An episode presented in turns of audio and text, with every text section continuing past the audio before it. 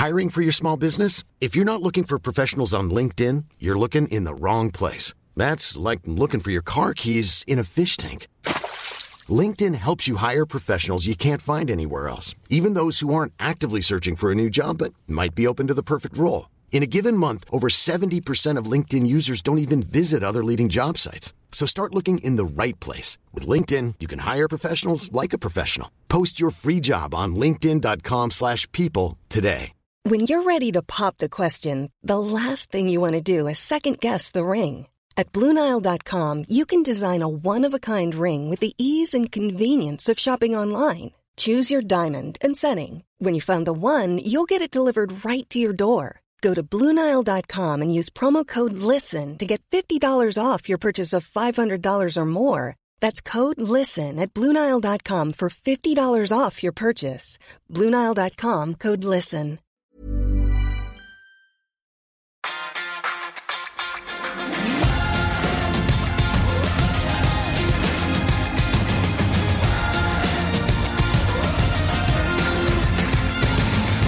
Can't believe it. Football, bloody hell.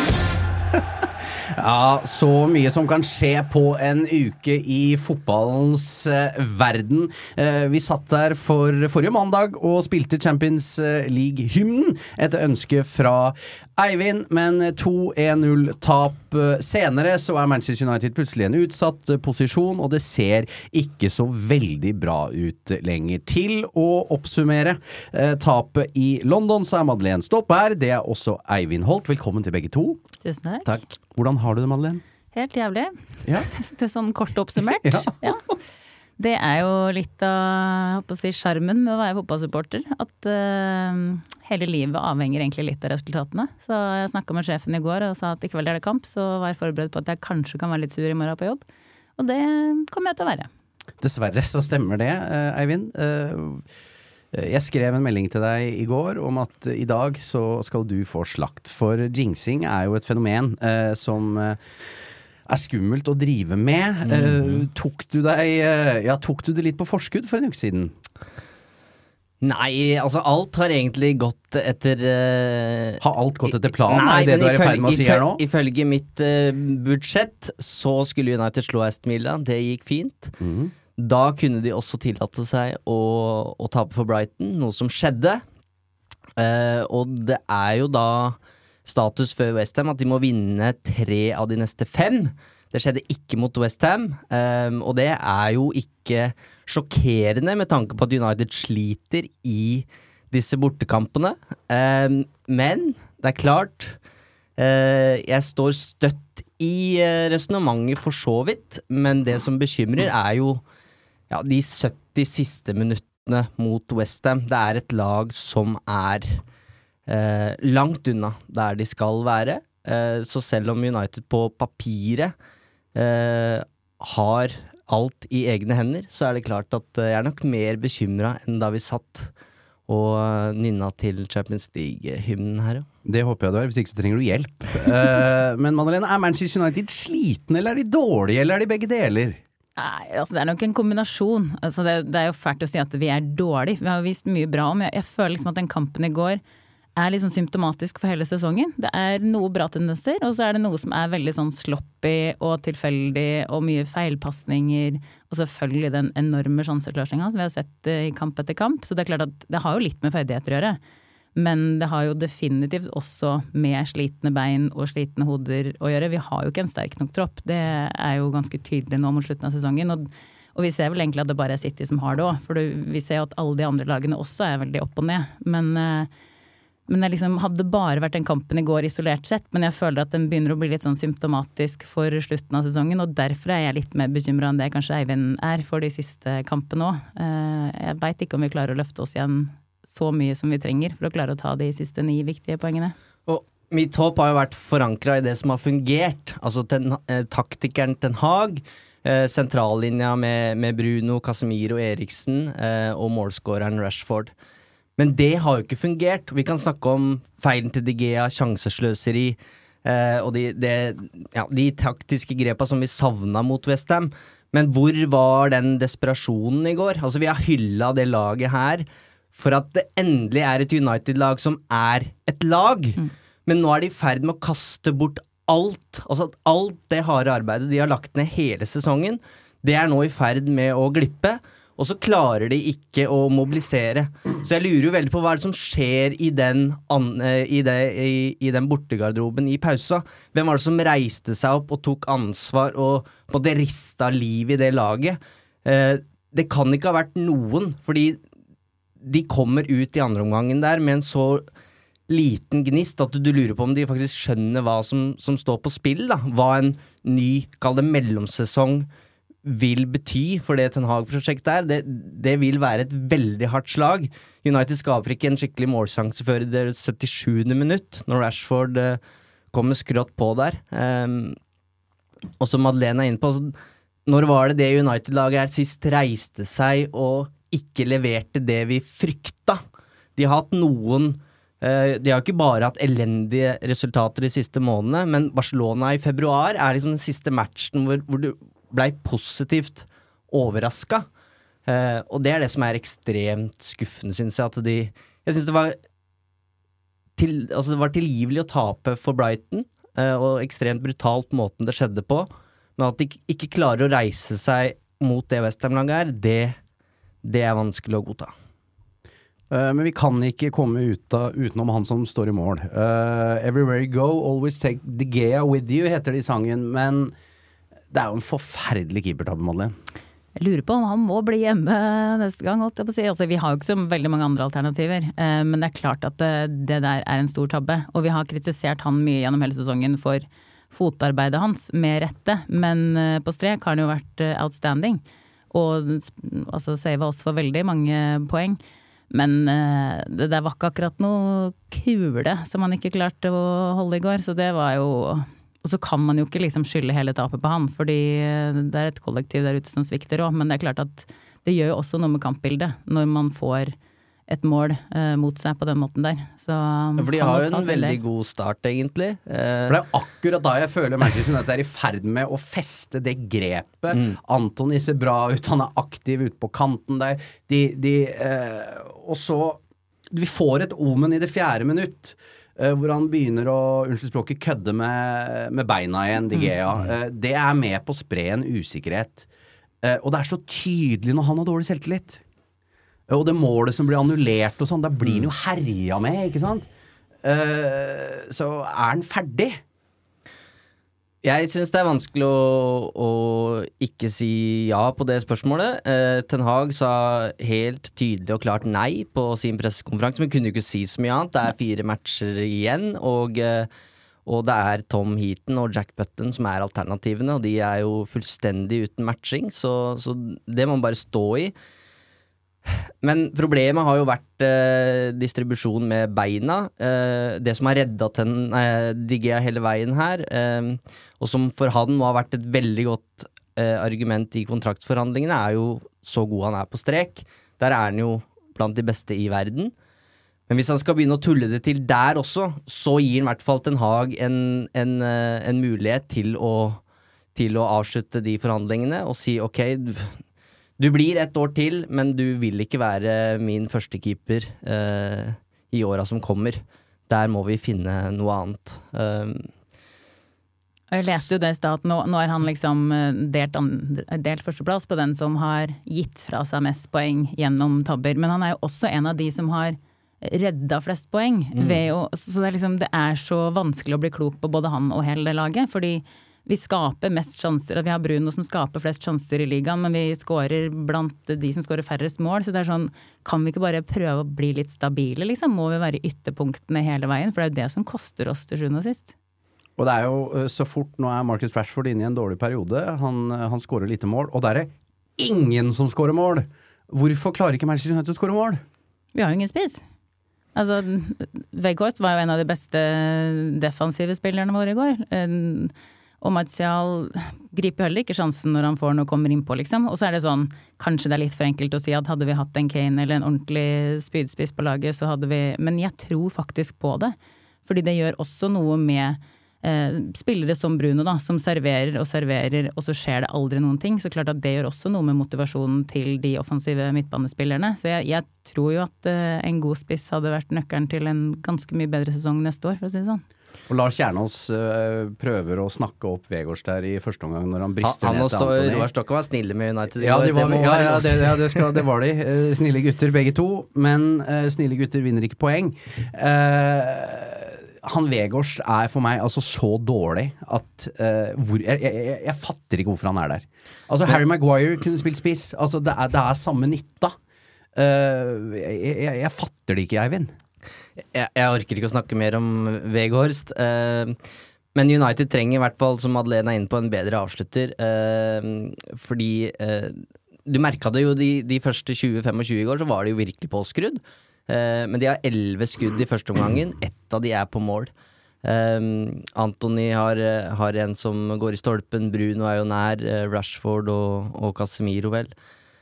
Så ja, det, det det er noe med med alternativene på topp der, som eh, når, når Rashford ikke leverer, eh, to mål på ni kamper nå, tror jeg, i, i ligaen, så ser vi hva som skjer eh, på topp der.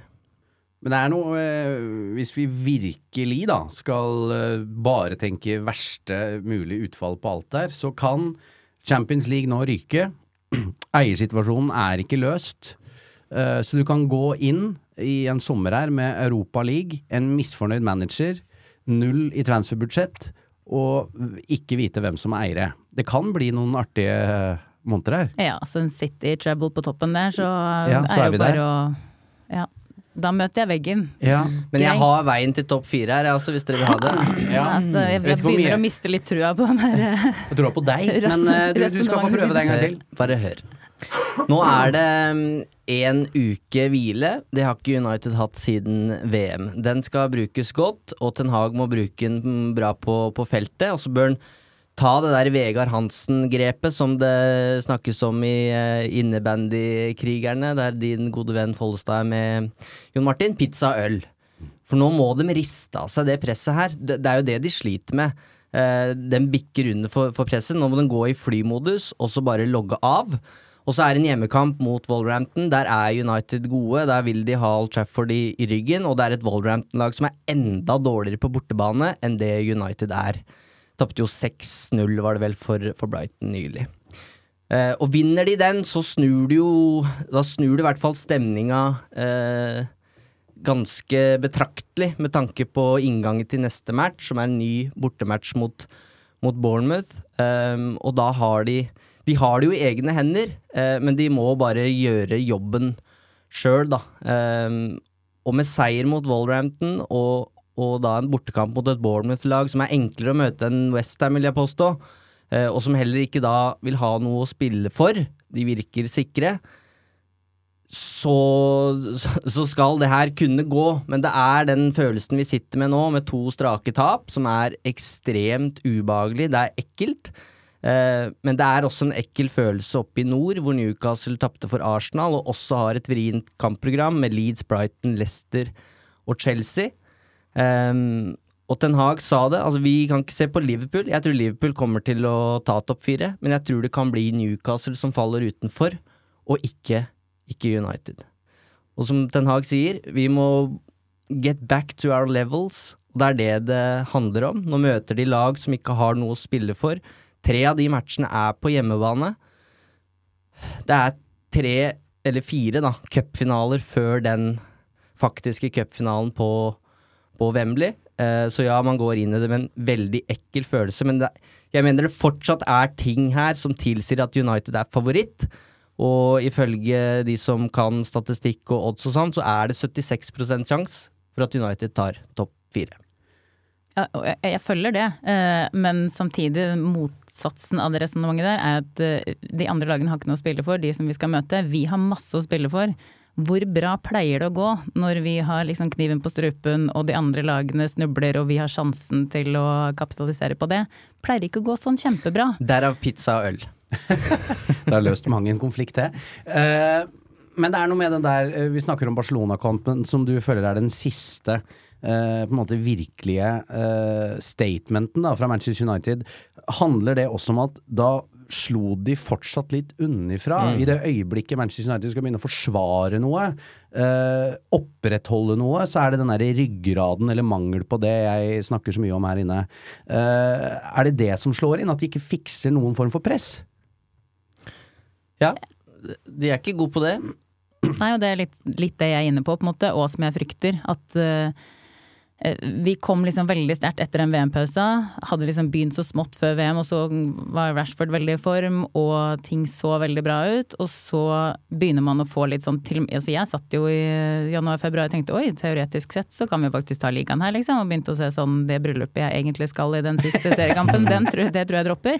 Eh, og så begynner man å liksom Det kommer skader, det kommer karantener, man begynner å miste litt sånn trua og skjønner at her har vi noe å spille for. Og så De er jo ikke vant til å spille for eh, disse viktige poengene. Veldig mange der. Det er jo nesten ingen igjen på laget som faktisk har kjent på Så har de selvfølgelig kjent på de andre lag, noen av de. Men eh, vi er ikke gode under press, altså. Det, Nei, det er den kollektive selvtilliten som er så skjør, og som vi ser ramler i det eh, United slipper inn det målet mot, uh, mot Westham. Og det handler jo også om måten det skjer på. Du ser hvordan Rashford reagerer.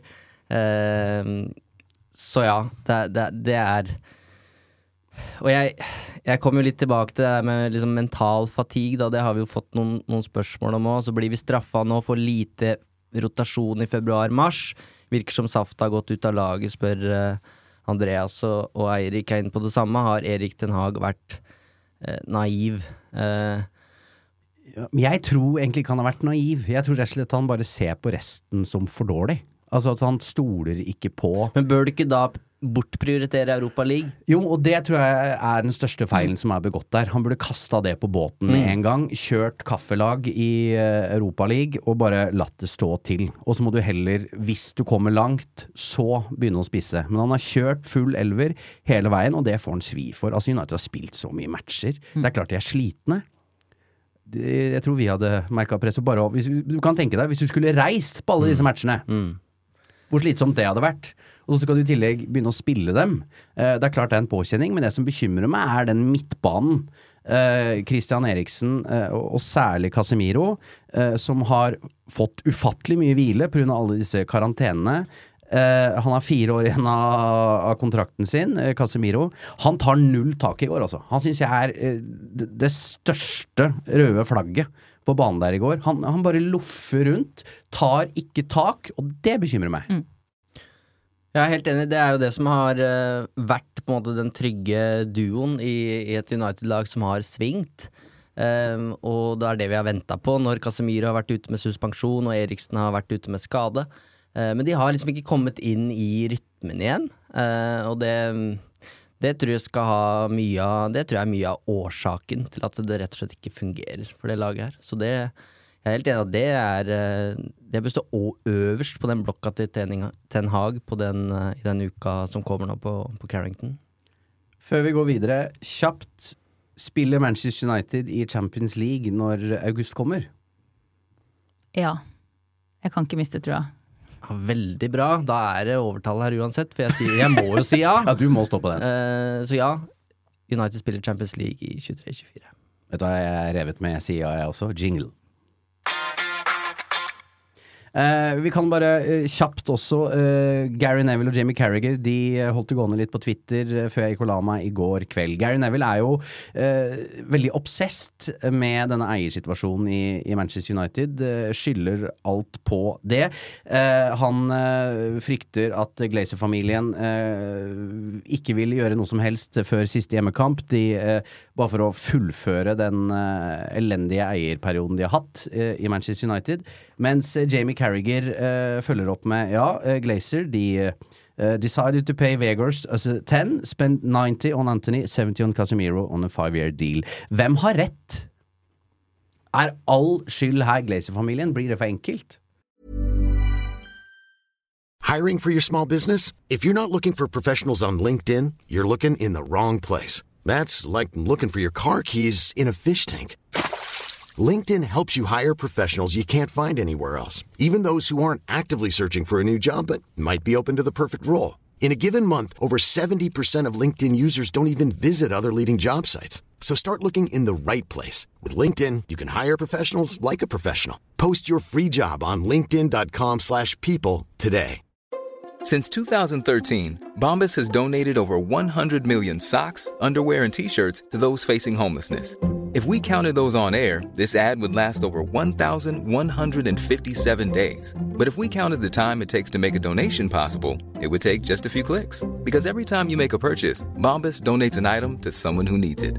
Go to bombas.com slash ACAST and use code ACAST for 20% off your first purchase. That's bombas.com slash ACAST, code ACAST. Hey there, it's Michelle Norris. I'm host of a podcast called Your Mama's Kitchen. When I travel, I'm usually looking for a way to find a taste of home when I'm not at home. And one of the things I love to do when I am at home is entertain. And Airbnb allows me to do that. When I was in California recently, I rented a house that had a great kitchen. And when we were sitting around the table, we're all thinking, we're in someone else's house. Someone could be in all of our homes as well. If you have a home, but you're not always at home, you have an Airbnb. Your home might be worth more than you think. Find out how much at airbnb.com/slash host. Ja, det gjør jo det. Altså, jeg er på ingen som helst måte noe tilhenger av Glazers, og måten de trekker ut den salgssituasjonen på eh, gjør meg fryktelig irritert. eh, Fordi det gjør at vi henger bakpå noe veldig i forhold til eh, overgangsvindu. Men det er jo ikke sånn at ikke de har vist noe som helst støtte, at ikke det har vært noe som helst penger til spillekjøp eh, i de åra de har eh, vært eiere.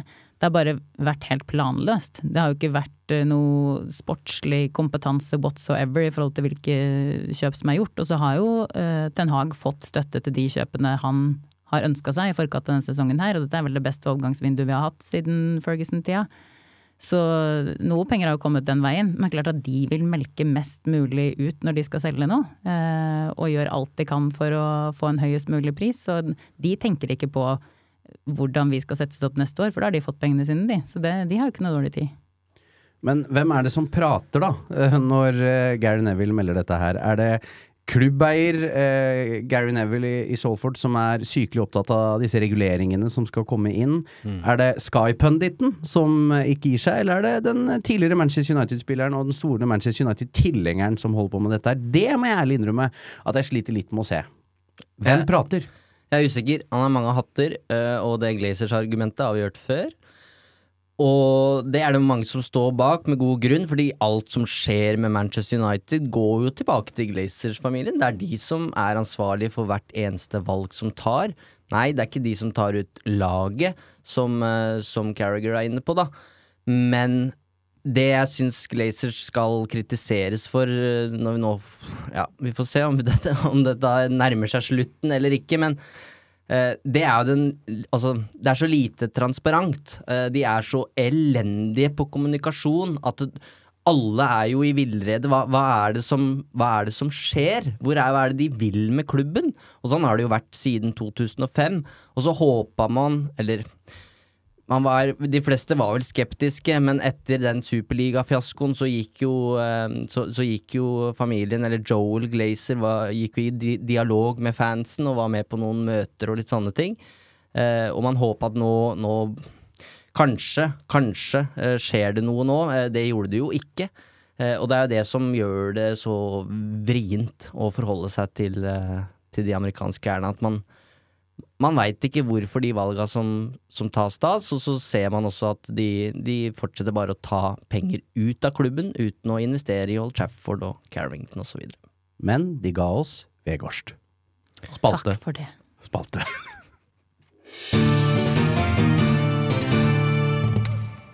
Ja, den, eh, den jingeren der, Eivind, den er blant de bedre.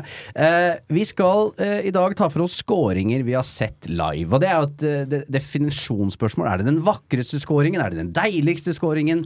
Eh, vi, vi, vi lar det stå litt åpent. Hva er det som på en måte kanskje har fått pumpa til å slå mest eh, opp mot betydning i tillegg? Madeleine, du kan gjerne begynne. Er det noe som står fram for deg? Altså, Utfordringa mi i sånne type spørsmål er jo at jeg har jo teflonhjerne når det kommer til fotballkamper. Eh, på godt og vondt, da, fordi jeg glemmer fort det som har gått dårlig òg. Du er god til å fortrenge, rett og slett. Eh, yes, Ja. og det er kanskje et resultat av de siste ti åra. Men eh, når jeg skal tenke tilbake på, på målet jeg har sett live, så, så blir det litt sånn åh, hvem var det som skårte der igjen? Men, eh, men hvis jeg skal liksom eh, prøve å grave litt, da, så er det jo alltid en fornøyelse å slå Liverpool. Eh, så jeg må jo si at eh, Rashford sin scoring eh, når vi slo Liverpool hjemme i starten av sesongen, den, den husker jeg i hvert fall. Det er ikke så lenge siden heller, så det er liksom lettere å hente fra. Ja, men det er, ikke, det er ikke noe dårlig kandidat, det, så den er ytterst Alle godkjent. skåringer mot Liverpool, Er godkjent. spesielt nå, det er jo det vi kjenner på nå, når de puster oss i ryggen, nakken. Mm. Du da, Eivind? Eh, det blir eh, saksesparket til Rooney, altså. Eh, det kom ut av det blå for de aller fleste. Paul Chafford, og spesielt for kompisen min som satt ved siden av meg. Han har altså sittet og klagd så mye på Wayne Rooney at jeg var så lei, eh, og jeg hadde jo like trua på Rooney som jeg har på topp fire nå, omtrent. Eh, så når den scoringa kommer, så snur jeg meg bare sånn sporenstreks mot han, og gir rett og slett en vinge. I eh, både glede og frustrasjon og alle følelser skulle ut. Så mens resten av Old Trafford hylla Wayne Rooney, så var jeg opptatt av å lappe til kompisen min. Men det, det står igjen som den flotteste skåringa. Vi så jo på hverandre etterpå. Hva, hva, hva, var det som skjedde? Og du, du skjønner at ok, her har vi sett noe helt ekstraordinært, og så må du bare hjem og se det på TV for å se ok, hvor sykt var det faktisk. Og så ja, han treffer på leggen, men hallo. Ja. Den der var også på min liste, eh, og det var også en sånn øyeblikk hvor tiden faktisk står litt stille. Al altså, det, alle bare sånn Du rekker å tenke, og så stopper det. Hva skjer nå?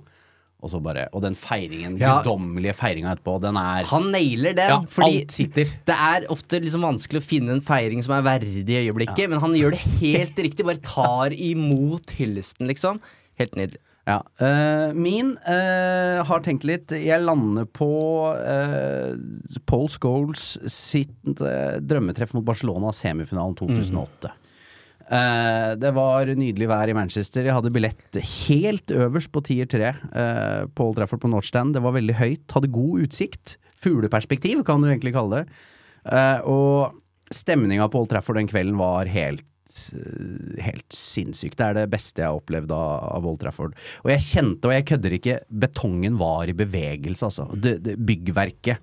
Eh, takstmannen hadde reagert eh, i tilstandsrapporten, for da var det eh, Det gynga på Old Trafford. Det er vel liksom opplest og vedtatt at det er den matchen som har vært Det har vært best stemning på Old Trafford, i hvert fall sånn de Ja. siste 20-30 åra. Ja, det var helt, det var helt sykt. Og billetten til Moskva ble booka, og det var eh, Jeg gikk med Lars Morten Olsen etterpå. Eh, Vi bestemte oss Vi var så, vi, vi var så rusa på livet og, og litt eh, Og litt pils at vi ville gå til Sail, hvor vi bodde, eh, etterpå, og da kom vi på at det er for langt. Eh, Men vi begynte på det, fordi vi bare svevde eh, oppover eh, eh, Nei, så det var fantastisk. Og Paul Scholes eh, vinner den her, altså. Der har du jo både det eh, estetiske, men også hvor viktig det var. Ja. Det er ikke så mange av de. Nei, det er ikke det. Så bra, bra spalte, Eivind. Videre. I just love United. Men vi kan heller ikke glemme Manchester Uniteds eh, kvinnelag. Det er jo spennende, Madeleine. Ja, og takk Gud for at vi har noe å glede oss over i, i den enden, for å si det sånn. De vinner jo. Eh, De spiller jo også med mm, press nå, og er eh, Og fikser det bedre. Og fikser det bedre enn gutta for, eh, for tida. Eh, Nå vant jo Chelsea i går òg. De er fremdeles fire poeng bak, men med to kamper mindre spilt, vel. Eh, Og så har vi et par, par kamper igjen, da. En av de spesielt tøffe mot eh, City. Men eh, nå skal jo Chelsea spille, sine hengekamper før vi skal i aksjon igjen, så det kan bli veldig spennende der, altså. Det hadde vært utrolig gøy med én serievinner.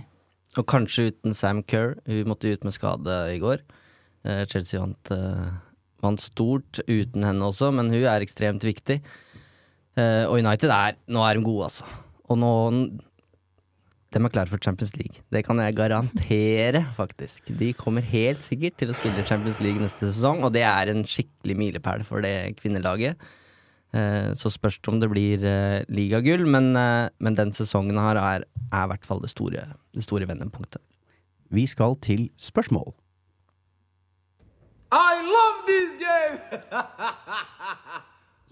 Skal du ta spørsmål, da, siden du sitter Jeg sitter med de, så da, Ja, da kan jo jeg ta ja, de. bare gjør det. Ehm, er det nervøsitet, slitsomhet, psykisk skader eller dårlig taktiske valg av trenerteamet som har skylden i denne katastrofeinnspurten, spør Magnus. Vi har jo vært litt inne på det, men jeg tror mange ønsker seg en enda grundigere disseksjon av hva som faktisk eh, har skjedd med det United-laget her.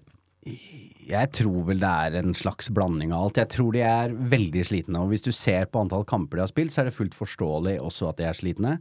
Eh, Men eh, vi kan ikke frikjenne Erik Den Haag totalt heller her. Han, eh, måten Manchester United har opptrådt på bortebane denne sesongen her, er jo elendig. Altså, nå har det jo da begynt å røre mot lag på nedre halvdel også. Det har jo United unngått i det lengste. Men eh, at han, eh, vi var inne på det tidligere, Europaligaen eh, får han svi for nå, tror jeg.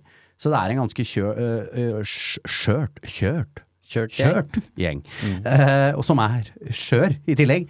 Eh, og det har vi jo sett i mange år, så det er et gufs fra fortiden kombinert med slitne bein, tror jeg, som, som gjør at United sliter. Ja, og jeg tror den prioriteringa av Europaligaen er den største taktiske blunderen. Eh, Man kan diskutere sånne enkeltkamper og hvorfor spiller Weghorst og, og Men hadde vi nedprioritert Europaligaen, så hadde vi hatt mer saft igjen i beina nå. Eh, Så det er vel liksom det største spørsmålstegnet jeg setter ved Ten Hag sine vurderinger. Og så er det jo en kombinasjon av alt det andre i tillegg. Eh, Bruno med flere har jo spilt ekstremt mye kamper både på klubblaget og på landslag. Eh, Så jeg kan forstå at de er slitne, og samtidig så er jo dette de er betalt for, si. Det er jo det, Men tenk at Manchester United slo Barcelona i februar. Uh, og det føltes jo nesten som en finale, hvis du skjønner hva jeg mener. Og så, du er jo ikke i nærheten av å se målstreken i den turneringen. Gud hjelpe meg for en dritturnering. Det er noen kule reisemål, men utover Jeg, det så er det en jeg skjønner ikke hvorfor man skal uh, Altså, du, du setter inn alt for å unngå å komme til Europa League. Og så er grunnen til at det blir kanskje blir Europa League, det er Europa League. Da Det, det som er et paradoks. Ja, da får du Og det er, men det er ikke bare Ten Hag, det, det var jo samme med Solskjær. Altså, som du, altså, det blir ikke kaffelag, da. Man nekter å stille andrerekka av en eller annen grunn, og jeg kan skjønne det kanskje i gruppespillet at man Ok, vi skal i hvert fall sørge for at vi går videre, sånn at vi har en, en fallskjerm her hvis, hvis vi havner utenfor topp fire. Men det å jeg tenkte i hvert fall når de hadde slått Barcelona der, og det var en skikkelig statement, så kunne man prioritere annerledes mot eh, Real Betis. Men det gjorde man ikke, og da er det i hvert fall enkelt nå å sitte Uh, Ja, men uh, hallo, hvorfor gjorde man ikke grep her? På en måte så skjønner jeg det, og på en måte applauderer det òg, for vi er Manchester United. Vi skal kjempe ballefronter, vi skal ikke liksom kaste inn håndkle og nedprioritere noe, sånn egentlig, på papiret. Men samtidig så må du se på den stallen vi har i år, og faktisk ta høyde for det, da. Eh, Det er- For normalt sett så ville jeg ikke vært tilhenger av å nedprioritere noe som helst, egentlig, fordi vi skal være gode nok til å klare å stå i det. Men det er vi ikke nå med den stallen vi har. Nei, for det, for Han har jo ikke nedprioritert noe. Al altså Det har vært full pupp i ligacupen, FA-cupen, Europa League, Premier League, og det er for mye! Og jeg er helt sikker på at Ten Hag er såpass sharp og kynisk at han ser at den bredden her Det, det er ikke et lag som kommer til å tåle 60 pluss kamper.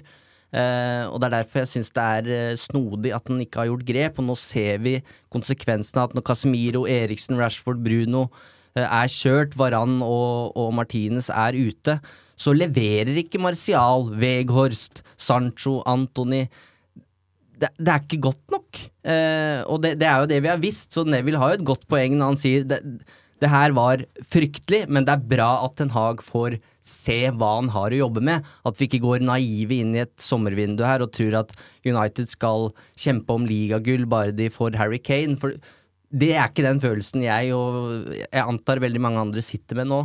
Um, så, så man må oppgradere bredden der. Det må være liksom pri én. Og da er vi jo tilbake til det Glazers-argumentet. Vil han få backing hvis Glazers blir værende nå? Kanskje han er så smart at han på en måte bare kjører laget sånn skikkelig på ræva nå, for å vise at liksom her er det behov for forsterkninger. Kanskje det er taktikk eh, på helt annet nivå enn det vi klarer å forstå. Smartere enn oss, iallfall. Det er han uansett. Så eh, Det håper vi- jeg. Ja, ja, for guds skyld. Skal ikke så mye til, si. Burde Declan Rice bringes tilbake som et overgangsmål, spør Henrik. Altså, han har jo stått på min liste i mange år, han. Um, og det var vel veldig nære under Solskjær med noen samtaler på noen parkeringsplasser og noe greier. Um, han er ikke, er ikke utelukket hos meg, for å si det sånn. Dere virker ikke helt overbevist, noen av dere. Si. Nei. Tungt sukk. eh, Nei, Jeg har, jeg har andre på lista Ja, eller altså det, det er jo en, Han tikker jo en del bokser, da. Uh, åpenbart le lederegenskaper, fin alder, britisk. Uh, dyr. Dyr, ikke minst. uh, og det er jo gøy. Eh, så jo, for all del. Eh, men Fælt å si det, men jeg syns det fremsto som mer sexy for et år siden. Eh, så ærlig skal jeg være. Eh, så jeg er litt sånn tja. Jude Bellingham må vi nå glemme. Han er, eh, blir sannsynligvis Real Madrid-spiller. Eh, og så er det jo litt snakk om Det er jo fortsatt litt snakk om Declan Rice og også Caicedo i, i Brighton. Jeg syns begge de to er jeg vil ja, våge å kalle det trygge valg. Jeg syns vi ser hvilke strenger Declan Rice har å spille på i den United-matchen. Han er ikke bare et skal jeg kalle det, sånt, sånn tungt anker, men han har jo den robustheten som United trenger på, på midtbanen der. Um, og, og virker, syns jeg, som en veldig moden og voksen spiller, da, som kommer til å være engla, engelsk landslagsspiller i, i åra som, som kommer. Så jeg hadde vært Jeg syns det hadde vært et, et, en trygg signering. Ikke like spennende som Jude Bellingham, selvfølgelig, men, eh, men nå, nå syns jeg i større grad enn for et halvt år siden at nå er det soliditet som må, som må inn der. Og, og på midtbanen nå så, så trenger man det for Kasmir og Eriksen. Det er ikke sagt at de holder en sesong, ser vi nå. Nei, du, du snakker jo alt for det. Bedre enn når det snakkes om, enn når det snakkes om Champions League-plasser og, og sånne ting. Da fortsetter vi med, med sommervindu. Når er deres deadline i sommer for at sommeren skal bli optimal, spør Christian, og da tipper jeg han eh, sikter litt til eier eh, oppkjøpsprosessen her. Nei, altså Den deadlinen uh, har, jo, har vi overgått uh, mange ganger, spør du meg. Men uh, man vil jo ideelt sett at de nye som kommer inn skal være på plass før preseason starter. Sånn at de får en fullverdig oppkjøring med resten av laget. Og det har vi jo ikke vært så gode på de siste åra. Eh, og hvis vi nå ikke veit hvem som skal eie oss før etter sesongen, så er det i hvert fall ikke noe sjanse for at vi har masse nysigneringer på plass til starten av juli. Så deadline er nå eh, i forhold til salget. Og deadline for å få på plass eh, spillere er første uka i juli, sånn at de er klare til å være med på tur. For dette er jo ikke en transaksjon som at jeg skal vippse dere noen kroner. Eh, så, så de må jo få opp farta. Eh, jeg, jeg gir dem faktisk eh, til siste hjemmekamp, eh, selv om det vil se stygt ut. Men dette må eh, før vi kommer langt ut i juni, så må dette være, være i orden. Um, jeg tror jo også at uh, Ten Hag og teamet hans de, de må jo på en måte jobbe uavhengig av eiersituasjonen. De har jo en prioritetsliste. Eh, men det kan godt hende det er mange mål nå som rett og slett bare forsvinner, fordi de, de får ikke jobba med det. Eh, og det er jo utrolig frustrerende. Men eh, det vil være helt skandale, som du sier Madeleine, om de går inn i preseason, så er ikke dette avklart. Da vil det bli en forferdelig sommer, altså. Fredrik Filtvedt har sendt inn en spørsmål om passende straff for jinxing. Den lar vi passere, men vi kan jo avslutte med et spørsmål til fra Christian. Kan dere fortelle min kjære samboer Kristine at det er innafor å føle seg nedfor når vi roter bort tullete poeng?